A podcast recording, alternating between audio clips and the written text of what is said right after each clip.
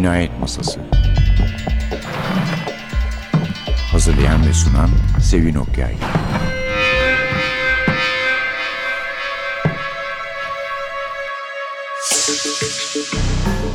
Merhaba, NTV Radyo'nun Cinayet Masası programına hoş geldiniz. Efendim size her zaman öyle hani bir seferinde beni kan revan içinde kalın demeye sevk eden şiddette, harekette ve aksiyonda cinayet sayısında aynı zamanda kitaplar sunmuyoruz ama bugün bir Joe Nesbo kitabımız var. Yani gerçi Ayşe Erbulak benim biliyorsunuz İskandinav dilleri uzmanım telaffuz açısından. Ona göre sanıyorum ki UNESCO diye okumamız gerekiyor. Ama biz gene isterseniz gördüğümüz şekilde okumayı şimdilik sürdürelim. Bir Joe Nesbo kitabı ve onun kitapları da eğer Nesbo okuruysanız buradaki yayınlanma sırasına göre son olarak Kardan Adam'ı okuduysanız basbaya kan revan kitaplardır. Aynı zamanda gerilimleri yüksektir ve insanı koltuğun ucunda tutan cinsten polisiyelerdir. Bunun da hiç farkı yok. Ötekilerden Snowman sahiden çok korkutucu. Kardan adam yani çok korkutucu. İnsanın aklından kolay kolay çıkmayan bir kitaptı. Ama Nesbo'ya bakarsanız Leopar yani bugünkü kitabımız ondan da bir adım ileride ve zaman zaman Leopar'a baktığını ve yani biraz tadını kaçırmışım, biraz fazla ileri gitmişim diye düşündüğünü söylüyor. Keşke diyor yazabilseydim de bazı sahneleri çıkarsaydım ya da bazılarını öyle yazmasaydım, yeniden yazsaydım.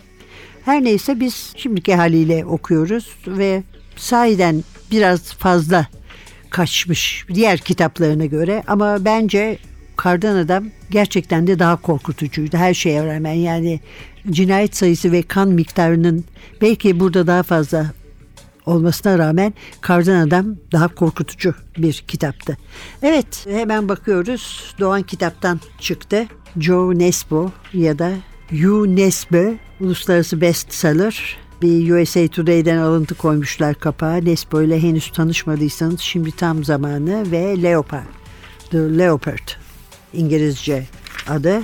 Kitabımızın orijinal adı ise Panzerhierte olduğunu umut ediyoruz. Evet, Can Yapalak tarafından Türkçe'ye çevrilmiş. Hayli kalınca bir kitap.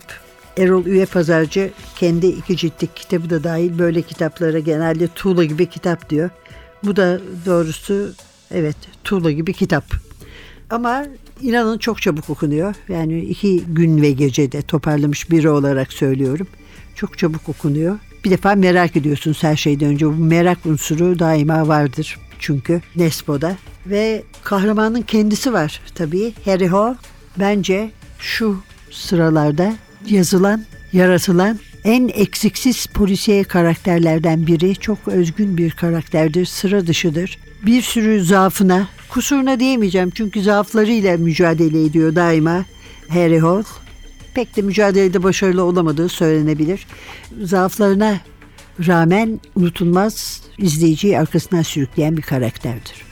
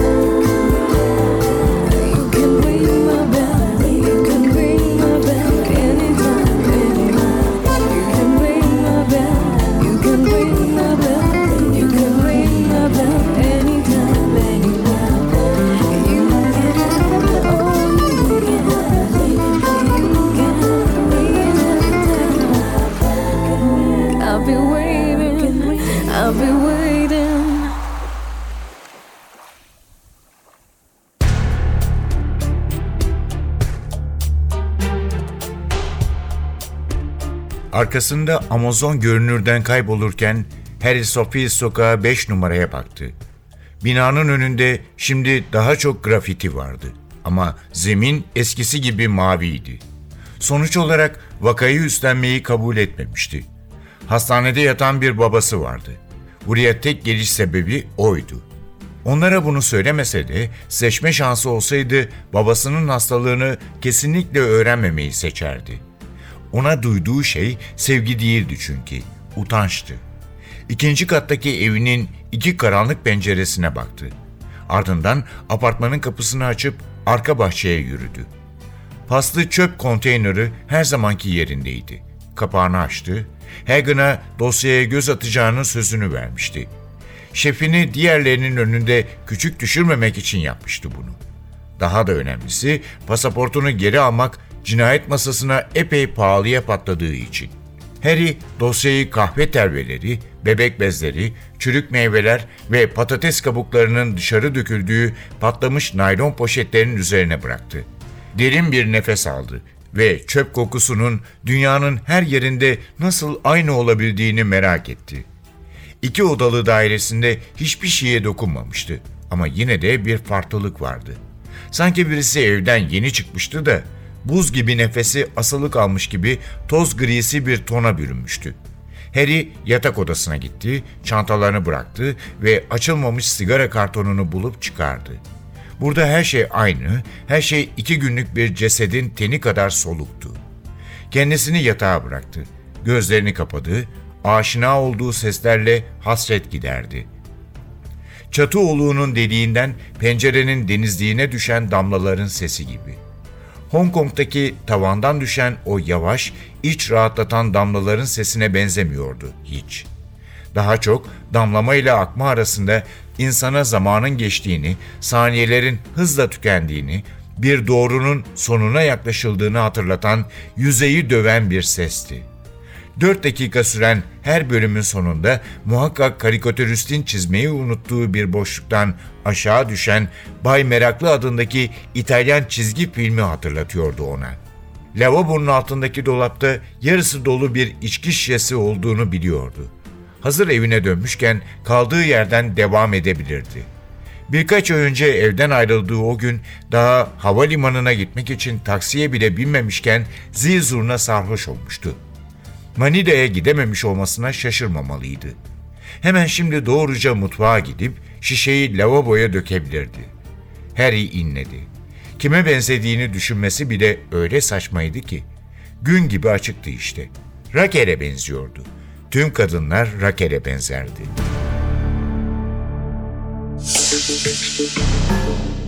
Leopard, Harry Hall'u Oslo dışında bulduğumuz Norveç'i bırakıp gittiği bir kitap öyle başlıyor ve yeni bir polisin cinayet masasına yeni gelmiş Kaya Solnes diye güzel bir genç hanımın onun peşinden Hong Kong'a gönderildiğini görüyoruz.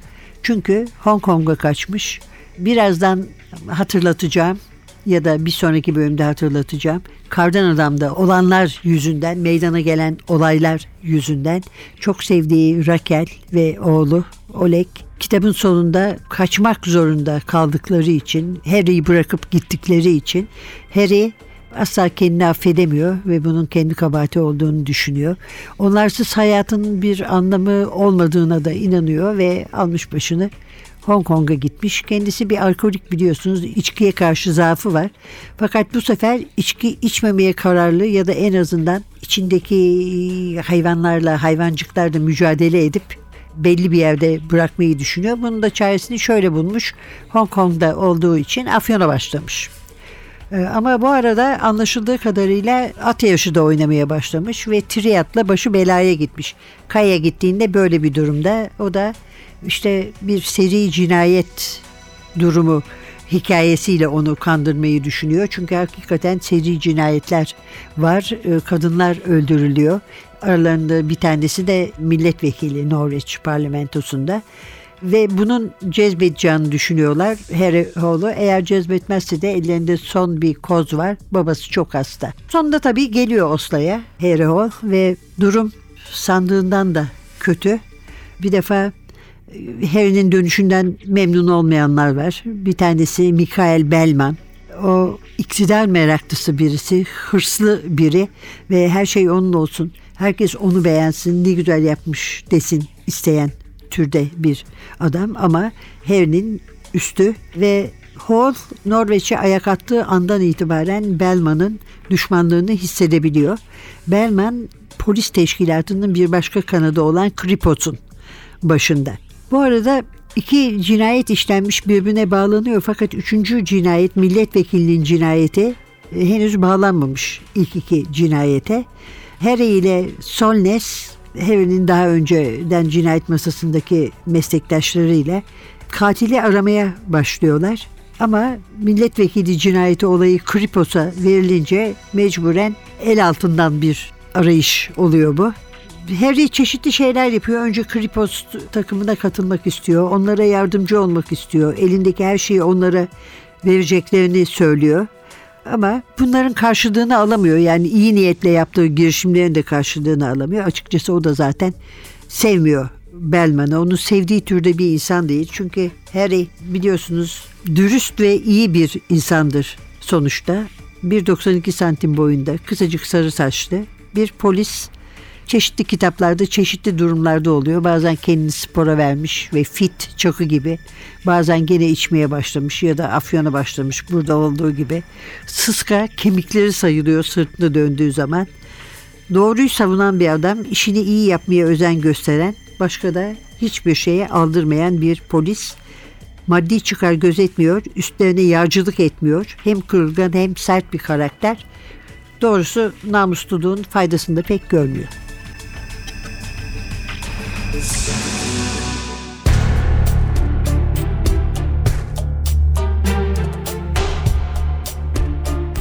Tavanda biriken sular loş koridorda yankılanan ıslak öpücük sesleriyle betona damlıyordu.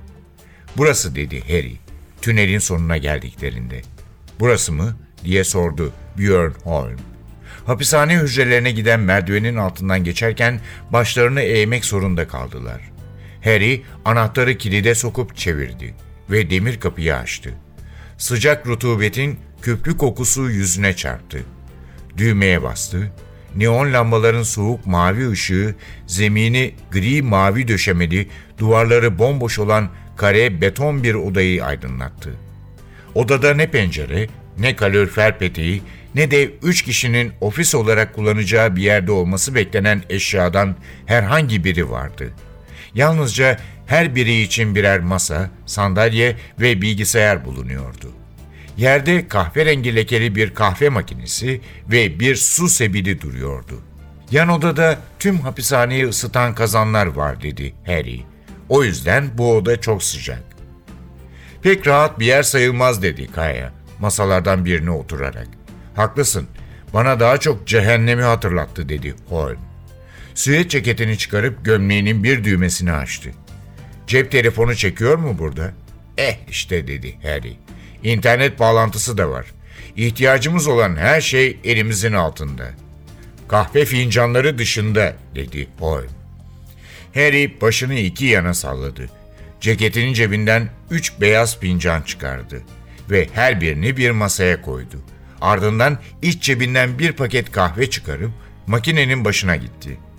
Bunları kantinden almışsın dedi Björn. Harry'nin önüne bıraktığı fincanı havaya kaldırarak. Hank Williams mı? Keçeli kalemle yazdım. Silmemeye dikkat et dedi Harry. Kahve torbasının ağzını dişiyle yırttı. Kaya kendi fincanında yazanı okudu. John Fante mi? Seninkinde ne yazıyor? Şimdilik hiçbir şey dedi Harry. Nedenmiş o? Benimkine şu an için en güçlü şüphelimiz kimse onun adı yazılacak. Diğer ikisi hiçbir şey söylemeden ona baktı. Kahve makinesi suyu höpürdetmeye başladı. Su hazır olana kadar masada üç isim istiyorum dedi Harry.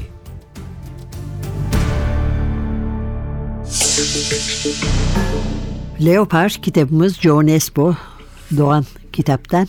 Bir kardan adam vaadinde bulunmuştum az önce. Hani okumayanlar vardır, okuyup unutanlar vardır diye. Pek okuyup unutan olacağını sanmıyorum aslında ama. Kardan adam bir önce çıkan kitaptı. Şöyle başlıyordu. İlk karla birlikte evlerin bahçesinde kardan adamlar var.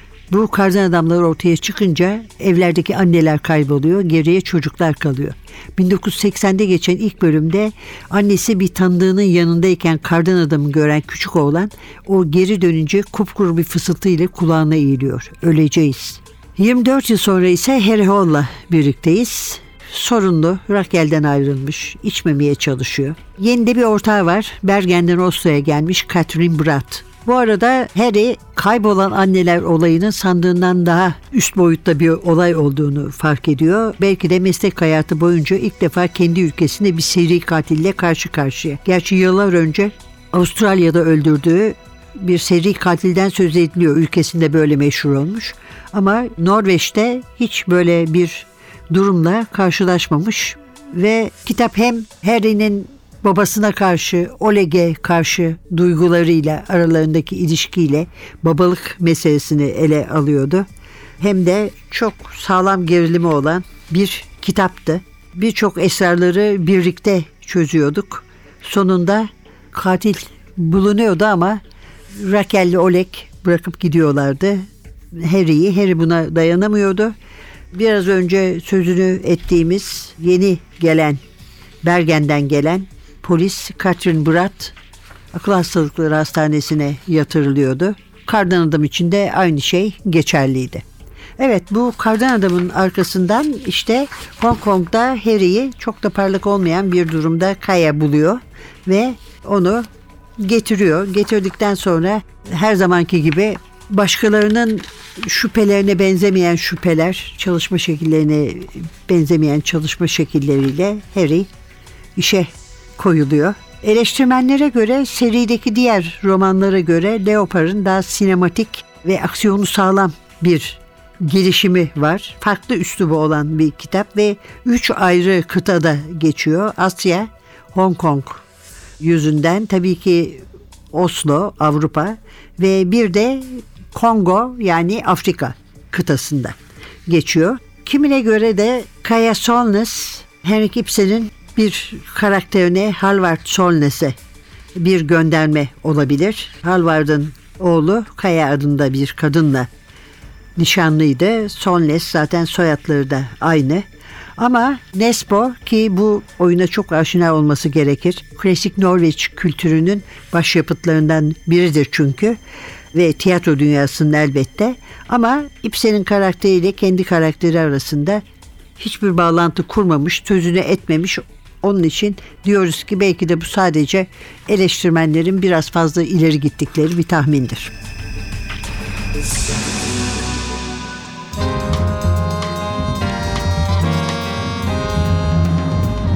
You have the cool, clear eyes of a seeker of wisdom and truth.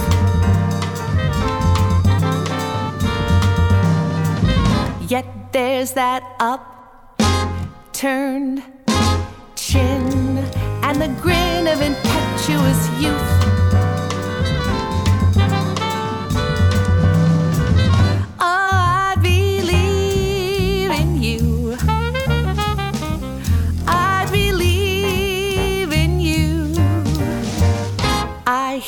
The sound of good, solid judgment whenever you talk.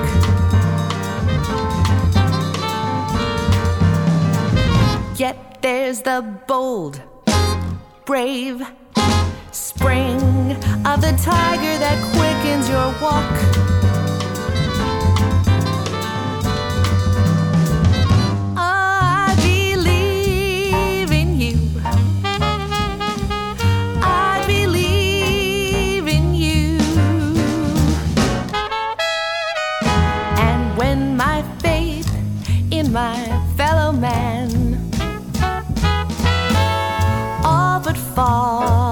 Apart. I've but to feel your hand grasping mine, and I take heart, I take heart to see the cool, clear eyes of a seeker of wisdom and truth.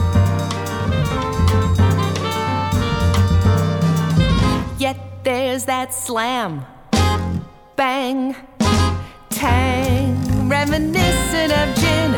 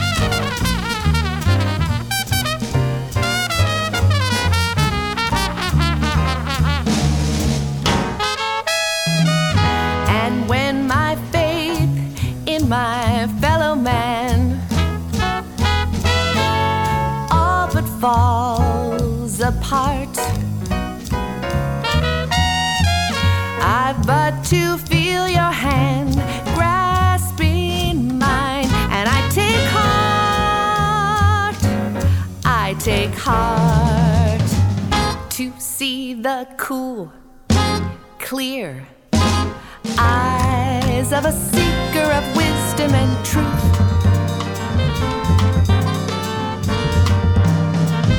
Yet there's that slam, bang, tang, reminiscent of gin and vermouth.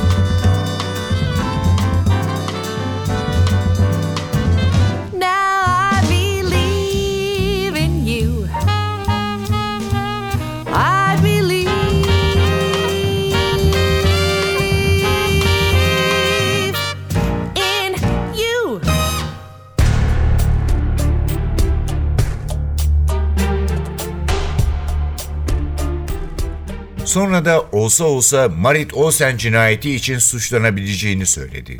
Çünkü nişanlısıyla evde olsa da o akşam Sörkedalen'deki gayet iyi ışıklandırılan pistte iki saatliğine tek başına kayak yapmış.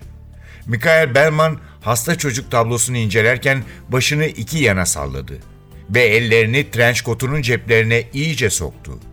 Marit Olsen'in öldüğü sırada mı diye sordu Kaya. Başını eğip ölmek üzere olduğunu tahmin ettiği bitkin kız çocuğunun ağzına bakarken. Ne zaman Mün Müzesi'nde buluşsalar genellikle tek bir şeye odaklanırdı. Bu bazen gözler, bazen arka plandaki manzara, bazense güneş ya da sadece Edward Münk'ün imzası olurdu. Ne kendisinin ne de Galtungların kızının. Lene diyerek düzeltti Kaya. Tam saati hatırlayamadığını söyledi ama epey geç olabilirmiş. Çünkü piste yalnız gitmeyi sevdiği için genellikle geç saatte çıkarmış. Yani Tony Laike o saatte Frogner Parkı'na da gitmiş olabilir. Ama Sörkedalen'de ise çıkarken ve dönerken iki kez gişeden geçmesi gerek. Ön camında elektronik geçiş cihazı takılıysa saatleri otomatik olarak kaydedilmiştir. Böylece yana dönünce Mikael'in soğuk bakışlarını gördü ve hemen durdu. Gerçi siz zaten bunu kontrol etmişsinizdir dedi. Gerek kalmadı dedi Mikael. Geçiş cihazı yok. Gişelerde durup nakit ödüyor. O yüzden yaptığı yolculukların kaydı yok. Kaya başını salladı. Bir sonraki resme yürüyüp gürültüyle tabloyu işaret eden ve el kol hareketleri yapan bir grup Japon turistin arkasında dikildiler. Brian'daki Kripos binasıyla Grönland'daki Emniyet Müdürlüğü'nün ortasında yer alması dışında Münch Müzesi'nde buluşmanın en büyük avantajı turistik bir yer olduğu için iş arkadaşları, komşular ya da eş dostla karşılaşmanın imkansız olmasıydı. Laike, Elias Skog ve Stavanger hakkında ne dedi diye sordu Kaya. Mikael yeniden başını iki yana salladı. O cinayet içinde suçlanmasının mümkün olduğunu söyledi. O gece yalnız uyuduğu için cinayet masasında olay yerinde olmadığını kanıtlayamazmış. Ben de ertesi gün işe gidip gitmediğini sordum. Hatırlamadığını ama muhtemelen her zamanki gibi 7'de ofise gitmiş olması gerektiğini söyledi. Benim için önemli bir ayrıntıysa plazanın resepsiyon görevlisinden kontrol edebileceğimi de belirtti. Ben de öyle yaptım. Laike 9 çeyrek için toplantı odalarından birini tutmuş. Ofisteki yatırımcıya benzeyen tiplerden birkaçıyla konuştum. İkisi sahiden de Laike ile toplantıdaymış. Elias Skog'un dairesinden gece 3'te ayrıldıysa toplantıya yetişmek için o saatte uçak bulmuş olması gerek. Ve ismi hiçbir yolcu listesinde geçmiyor.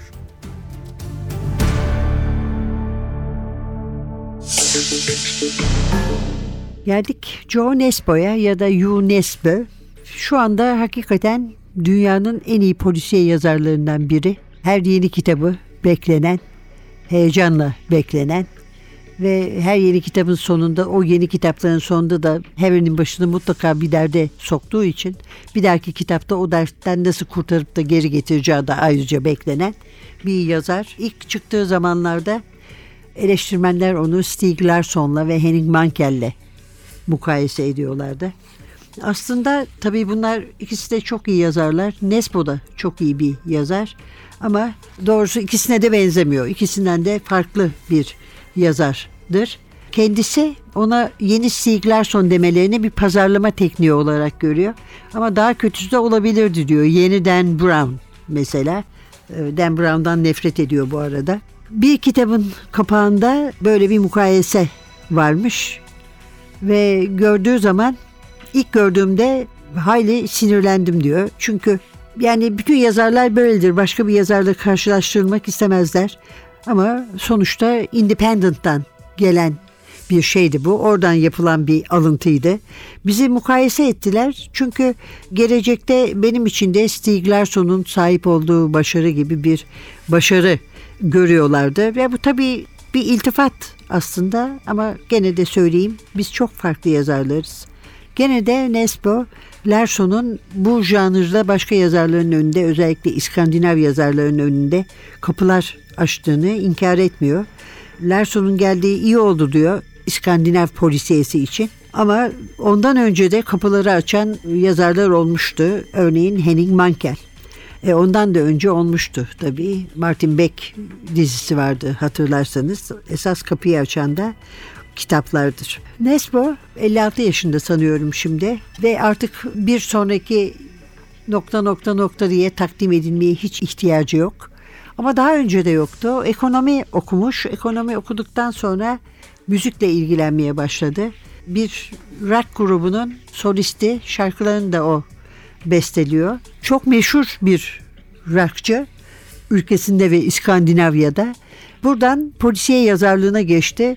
Hala arada galiba müzikle ilgileniyor ama çok da fazla vakit kalacağını sanmıyorum. Çünkü ikisi de çok vakit alan uğraşlar. Ama yani en azından Norveç halkı ona bir rock ilahı gözüyle bakmaya alışmış. Şimdi de herhalde polisiye ilahı olmuştur diye düşünüyorum. Belki de ikisi bir araya geldi. Daha da fazla heyecan veren bir şey oldu. Bizim için sadece laftan ibaret. Yani hani onu dinlemediğimiz, sahnede görmediğimiz, plaklarını almadığımız için.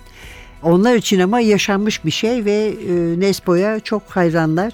Sadece Norveç'te değil, İskandinav ülkelerinde de çok hayranı var. Evet, e, dünyada da var ona bakarsanız. Biz de her kitabı çıktığında konu ettiğimize, heyecanla okuduğumuza ve üstünde konuştuğumuza göre. John Espo, Leopard, özgün adı Panzer Hierte, Leopard yani. Can Yapalak çevirdi Türkçe'ye ve Doğan Kitap'tan çıktı. Yapalak İngilizceden çevirdi. Dan Bartlett diye e, çok beğenilen bir çevirmeni var. Bütün kitaplarını İngilizceye çeviren. Onun çevirisinden.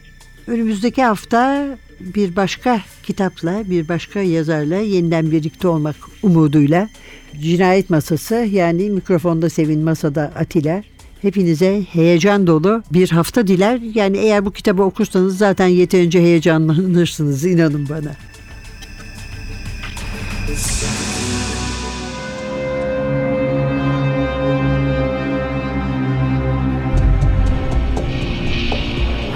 Cinayet Masası. Hazırlayan ve sunan Sevin Okyay